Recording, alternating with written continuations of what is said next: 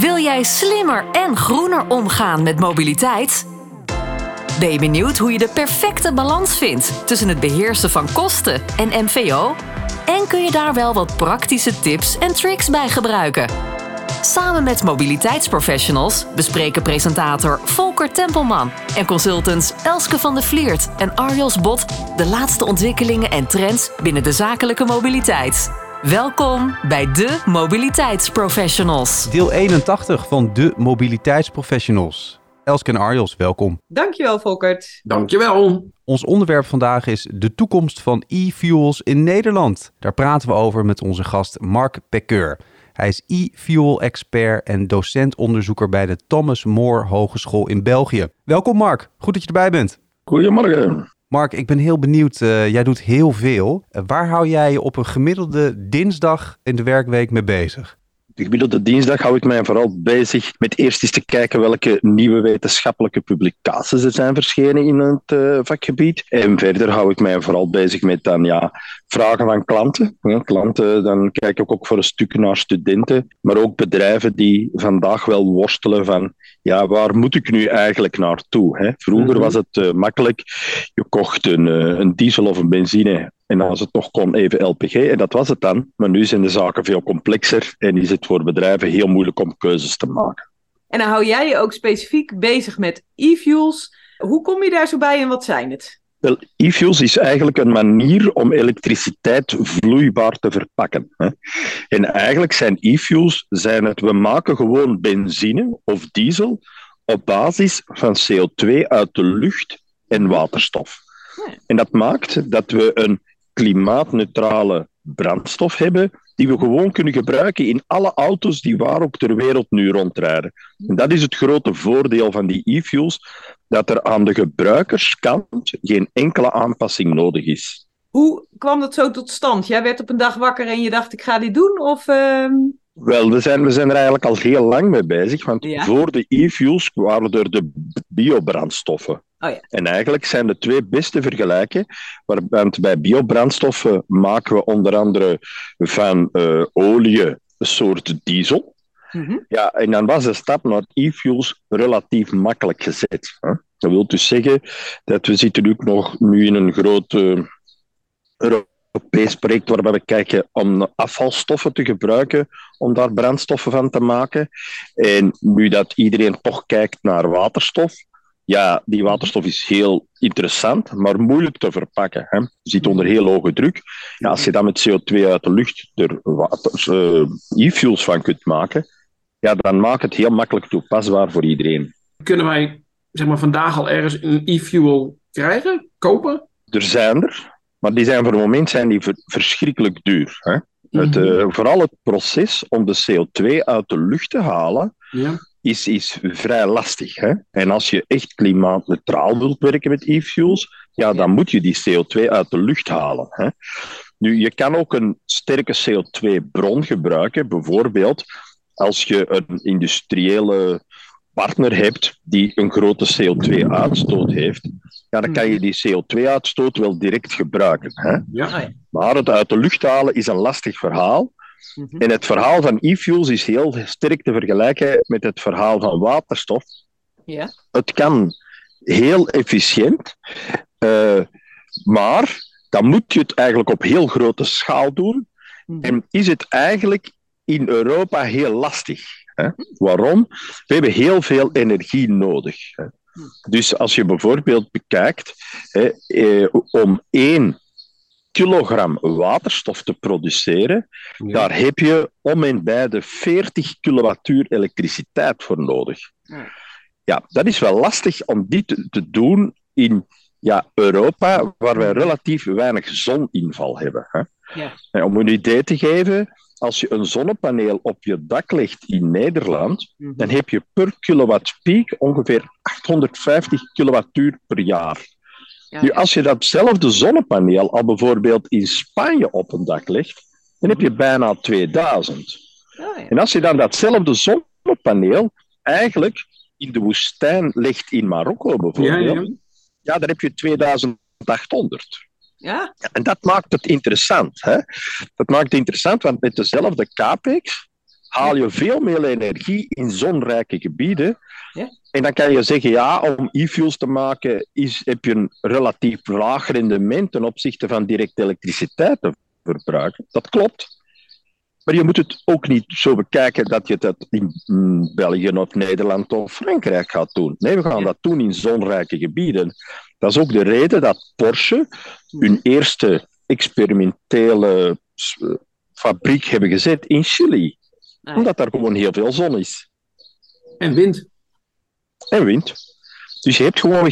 Eigenlijk verpak je met e-fuels op een makkelijke manier zonne-energie. Luister naar de mobiliteitsprofessionals en hoor van mobiliteitsprofessionals de laatste ontwikkelingen en trends binnen de zakelijke mobiliteit. Ik moet heel eerlijk zeggen, ik was een beetje sceptisch. Want ik dacht, ja, we gaan eh, batterij elektrisch, we gaan naar waterstof. En nou wil ik de Duitsers, de Duitse autofabrikanten, die hebben nog weer wat verzonnen, waardoor we kunnen vertragen. Maar zoals je eh, al zei, we, kijken verder dan alleen Nederland of West-Europa. Eh, emissies zijn er eh, wereldwijd, dus we moeten wel wat doen. En het feit dat er aan de gebruikerskant geen aanpassingen hoeven te worden gedaan, is natuurlijk echt top. En nou is mijn vraag, met deze introductie. Vroeger, batterijen, dat ging het allemaal niet worden. Te zwaar, te duur. Dat wordt hem niet. Maar die prijzen zijn enorm eh, gedaald. Ontwikkelingen technologisch. Is dat ook mogelijk met e-fuels? Kun je daar iets over zeggen? Wel, het, is vooral schaalgrootte die het verschil zal maken. Hè. We weten vrij goed hoe dat we dat moeten doen. Hè. Dat, dat, dat proces is eigenlijk helemaal niet nieuw. Hè. Ja. Maar we hebben daar gewoonweg heel grote installaties voor nodig. Willen we het verhaal rendabel krijgen? En we hebben relatief goedkope energie nodig, dus hebben we zonrijke gebieden nodig. Hè.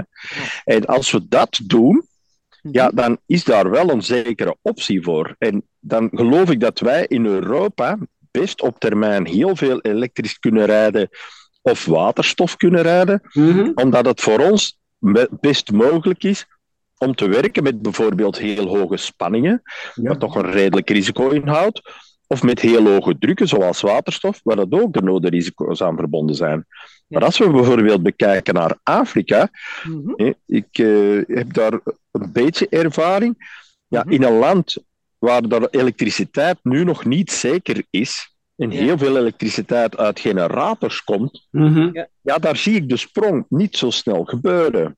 Nee. En als we dan toch dat deel van de wereld ook willen meekrijgen in het verhaal, dan is het heel makkelijk om hen e-fuels te leveren, waarbij dat zij eigenlijk aan hun kant geen aanpassingen hoeven te doen. En dat lijkt mij ook de enige manier om continenten zoals Afrika snel mee te krijgen. Want als het dan heel snel moet gaan, ja, Ja. dan moeten we niet wachten totdat er een electrical grid is in Centraal-Afrika waar je elektrische auto's op kunt laten rijden.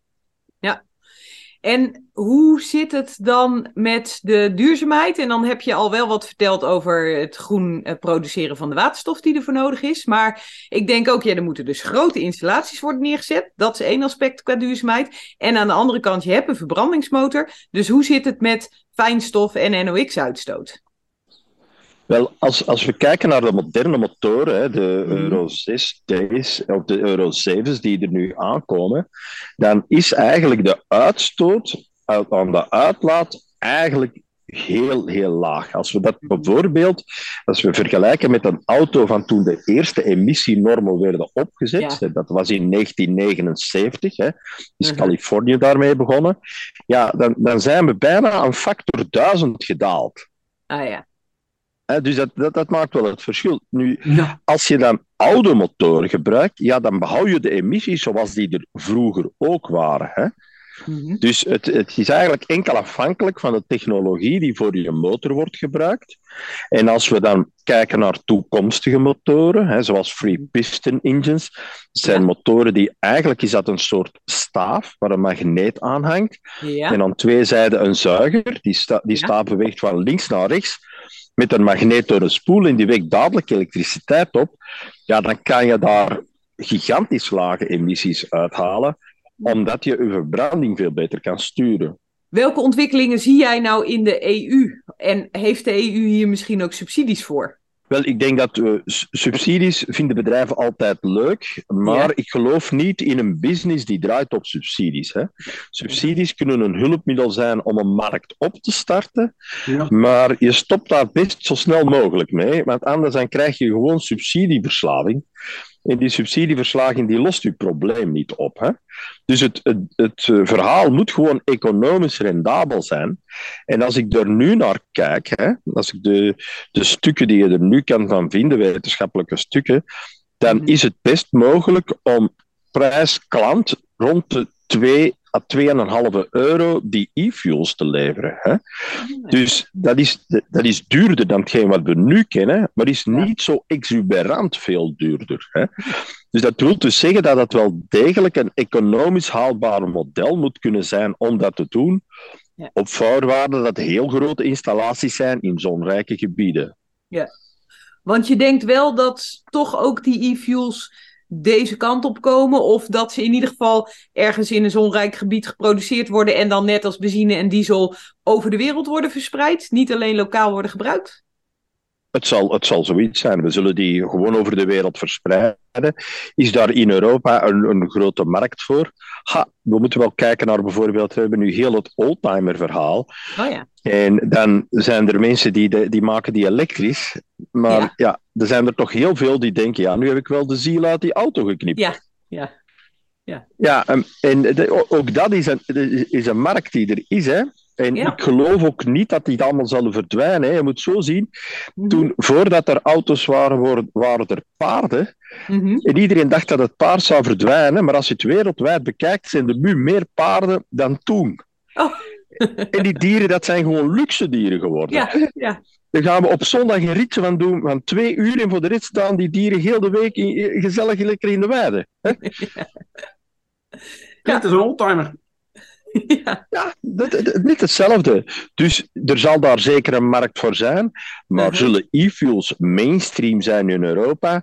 Mainstream Europa, dat zal gewoon elektrisch en waterstof zijn. Nee. Uh, waarbij dat deze twee in, in onze wereld, waarbij wij werkelijk wel om kunnen met die technische uitdagingen, ja, dat zal daar wel gebeuren. Maar Afrika is er veel, veel lastiger in. De mobiliteitsprofessionals. Hey, nou doe jij ook veel onderzoek. Uh, waar zijn jullie nu op dit moment mee bezig? Wat is het belangrijkste onderzoek dat jullie op dit moment doen? Wel, we zijn voorna voornamelijk bezig nu met uh, waterstof hè, in verbrandingsmotoren.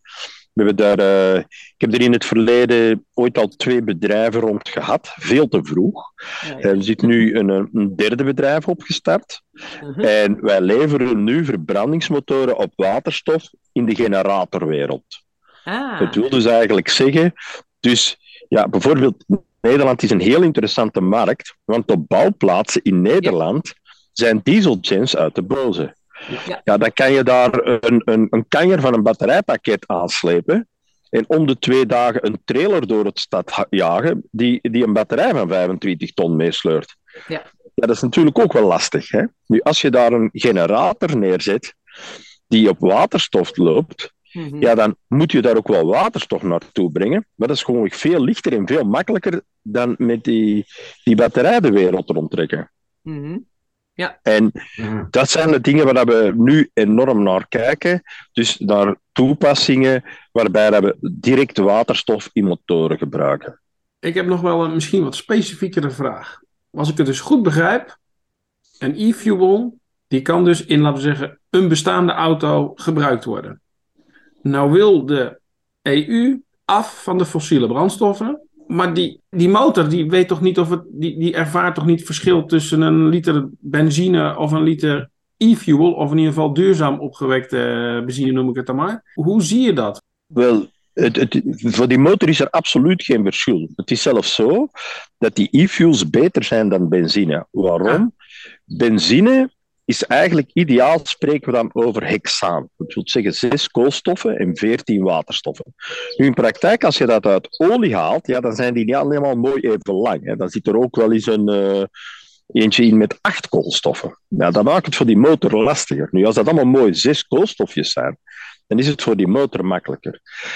Nu, als je die e-fuels wilt introduceren in je markt, hè, dan is het quasi onmogelijk dat die, dat die motor of het motormanagementsysteem dat herkent of men zal daar een andere stof moeten aan toevoegen. Maar eigenlijk zie ik daar geen probleem. Hè. Wat doen we nu? Eigenlijk, we spreken over benzine, maar eigenlijk in praktijk is het E5 of E10. Ja, Dit wil ja. zeggen dat er al 5% of 10% ethanol in zit. Ja, dat kunnen we wel makkelijk oplossen. Dan zeggen we, ja, oké, we willen... je- Dus je hebt zoveel e-fuels. Ja, we gaan gewoonweg... Je gaat ook nog fossiele brandstof hebben. Maar wij gaan er als EU of als eh, eh, land toekoer op toezien dat die mengverhouding klopt.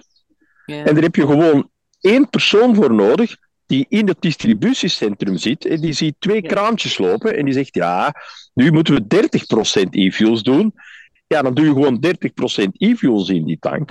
En 70% is dan nog eh, fossiele brandstoffen. En op termijn kan dat dan 90-10 zijn, of weet ik veel wat. Maar dat is makkelijk te controleren. Dat is ook het... Voor overheden zijn eh, zulke brandstoffen heel handig ook om taxatie op te doen. Dat doen we nu Ja. ook. Hè?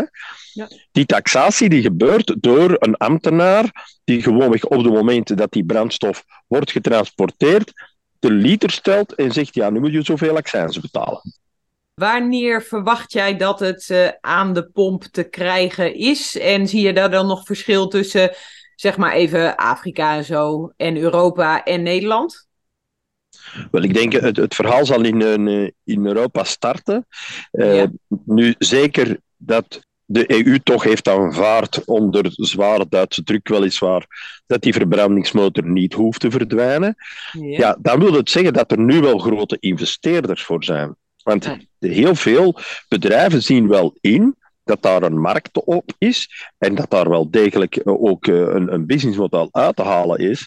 En dan denk ik dat de, de magische datum van 2030, 2035, dat die uiteindelijk wel eens cruciaal zal zijn.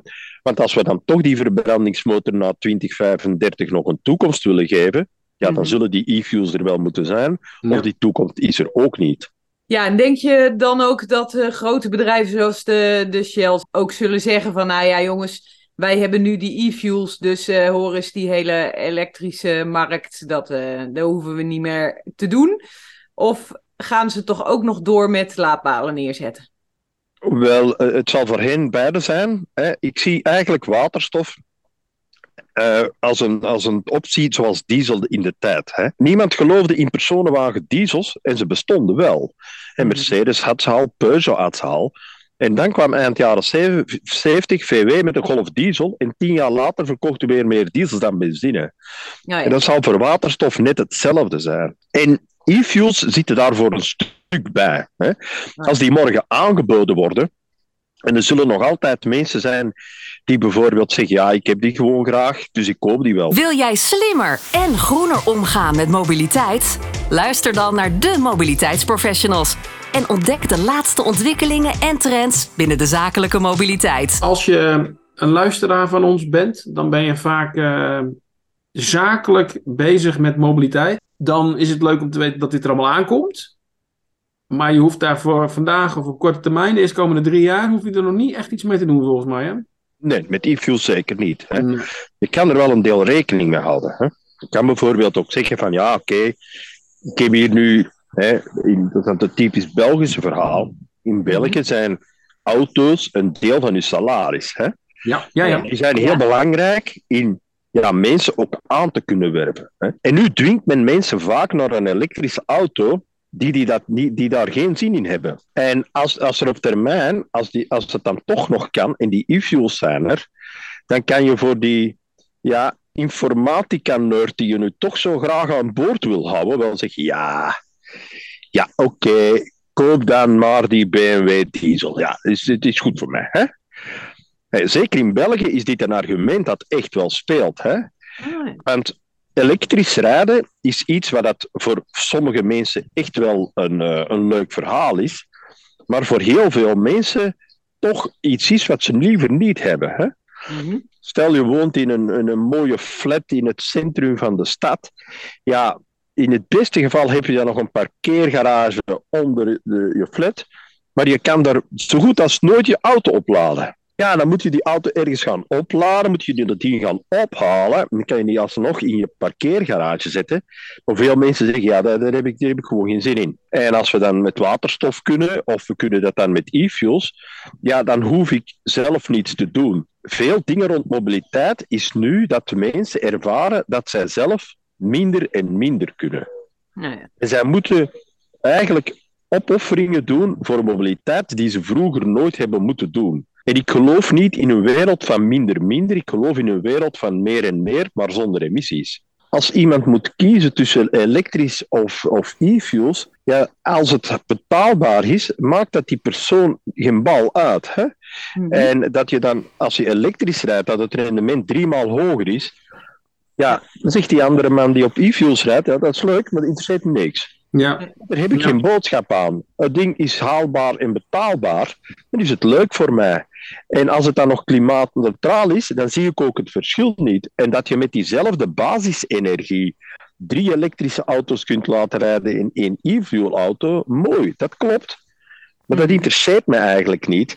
En die elektriciteit die moeten we lokaal opwekken.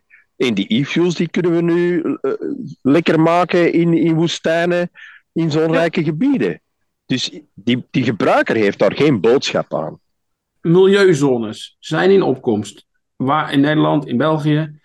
En dan moet je een emissievrije auto hebben, volgens mij, in de toekomst, om die milieuzone in te komen. Kwalificeert een auto op e-fuels daar dan wel of niet voor? Wel, die tank, dat is natuurlijk een, een, een- vooral een politiek verhaal. Maar ik Mhm. denk dat we met lage emissiezones ook moeten opletten in dat opzicht.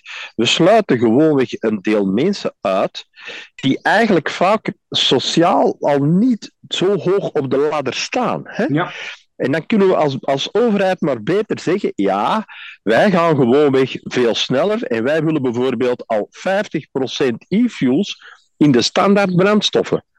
Ja, dan willen we ook gewoonweg buiten de lage emissiezones al, hè, voor het klimaatverhaal. En de lage emissiezones zijn niet zo direct een klimaatverhaal, zijn eigenlijk vooral een verhaal rond ja, stikstofemissies, is het Ja. dan vaak. Hè? Ja, ja. En ja, daar kan je gewoonweg, er bestaan nu apparatuur die als je die emissiezone inrijdt, die gewoonweg controleert wat de emissies van je auto is. Want veel van die auto's in België rijden er meer dan 300.000 rond, waarbij dat de roetfilter is verwijderd. ja, Ja. ja. Dat Ja. probleem kennen we in Nederland net zo. Ja, Ja, en als je dan morgen, net zoals dat je een flitscamera hebt, een soort emissiecamera hebt, om het dan zo maar te noemen, en je kan zeggen, ja, ja deze, deze kerel gaat er helemaal wel over, en we sturen die gewoon een boete. En dan lossen we het probleem ook op en nemen we de echte schuldigen. En niet bijvoorbeeld, hè, er is eh, een van de verhalen die ik onlangs hoorde van een, eh, van Antwerpen. Dus die man die had net een nieuwe auto gekocht voor de lage emissiezone Oh, ja. in Antwerpen. Ja, ja, ja. En nu komt eh, de Vlaamse regering met het idee, ja, vanaf 2027 mag je met een diesel gewoon helemaal niet meer binnen in die lage emissiezone. En het enige wat je daarbij krijgt, is dat mensen gewoonweg, ja, die, die zijn het gewoon zat, hè. Die zeggen, ja, nu had ik een nieuwe auto gekocht Ja. en nu mag dat ook al niet meer. Luister naar de mobiliteitsprofessionals en hoor van mobiliteitsprofessionals de laatste ontwikkelingen en trends binnen de zakelijke mobiliteit. We lopen tegen het einde van de podcast, eh, Mark. Ik ben heel benieuwd. Eh, jij geeft ook les eh, aan de hogeschool waar je aan jij verbonden bent, Thomas More Hogeschool in België, eh, aan de nieuwe generatie, aan jongeren. Je hebt zelf acht kinderen, vertelde je voor de podcastopname. Wat moeten zij weten? Wat moet die nieuwe generatie weten naar de toekomst toe over e-fuels? Ik denk dat zij vooral moeten weten dat er ook een andere oplossing is dan elektrisch of waterstof en dat die oplossing dan e-fuels kan zijn en dat je je absoluut niet schuldig moet voelen om rond te rijden met een auto op e-fuels, want uiteindelijk is het verhaal ook klimaatneutraal. Hè? Dus maak je vooral geen zorgen, er zijn andere oplossingen dan bijvoorbeeld elektrisch of waterstof en e-fuels is daar een mooie oplossing voor. Dit was deel 81 van de Mobiliteitsprofessionals. Te gast was Mark Pekeur, e-fuel expert en docent-onderzoeker bij de Thomas More Hogeschool in België. Mark, dankjewel. Graag gedaan. We blijven graag uh, met jullie allemaal in contact, uh, met de luisteraars ook. Laat dus van je horen, bijvoorbeeld op LinkedIn. Je kan ons gewoon taggen in een bericht. Mark, ben jij ook uh, te taggen in een bericht en sta je open voor een dialoog met de mensen die hier meer over willen weten? Zeker weten. Ze kunnen mij ook vinden op LinkedIn op Mark, Mark met een K, Pekeur, P-E-C-Q-U-E-U-R. En dan kan je daar een berichtje achterlaten op LinkedIn. Arjos, waar ben jij te bereiken? Ik ben ook onder mijn eigen naam Arios Bot te vinden op LinkedIn. En ik ben bereikbaar via de e-mail arios.bot.arval.nl. En ik hoor graag van je. Tot slot, Elske, waar ben jij te bereiken als mensen met jou in contact willen komen? Ja, als mensen met mij in contact willen komen, bijvoorbeeld omdat ze andere sprekers voor de podcast hebben of goede ideeën over thema's of dat soort dingen, dan kunnen ze me mailen op van de Vliert met een F at zero-e.nl. Of ze kunnen me natuurlijk even zoeken op LinkedIn onder mijn eigen naam. Iedereen bedankt voor het luisteren. Je kan de podcast van de mobiliteitsprofessionals terugvinden op de website demobiliteitsprofessionals.nl en natuurlijk in je eigen favoriete podcast app. Bedankt voor het luisteren naar de Mobiliteitsprofessionals.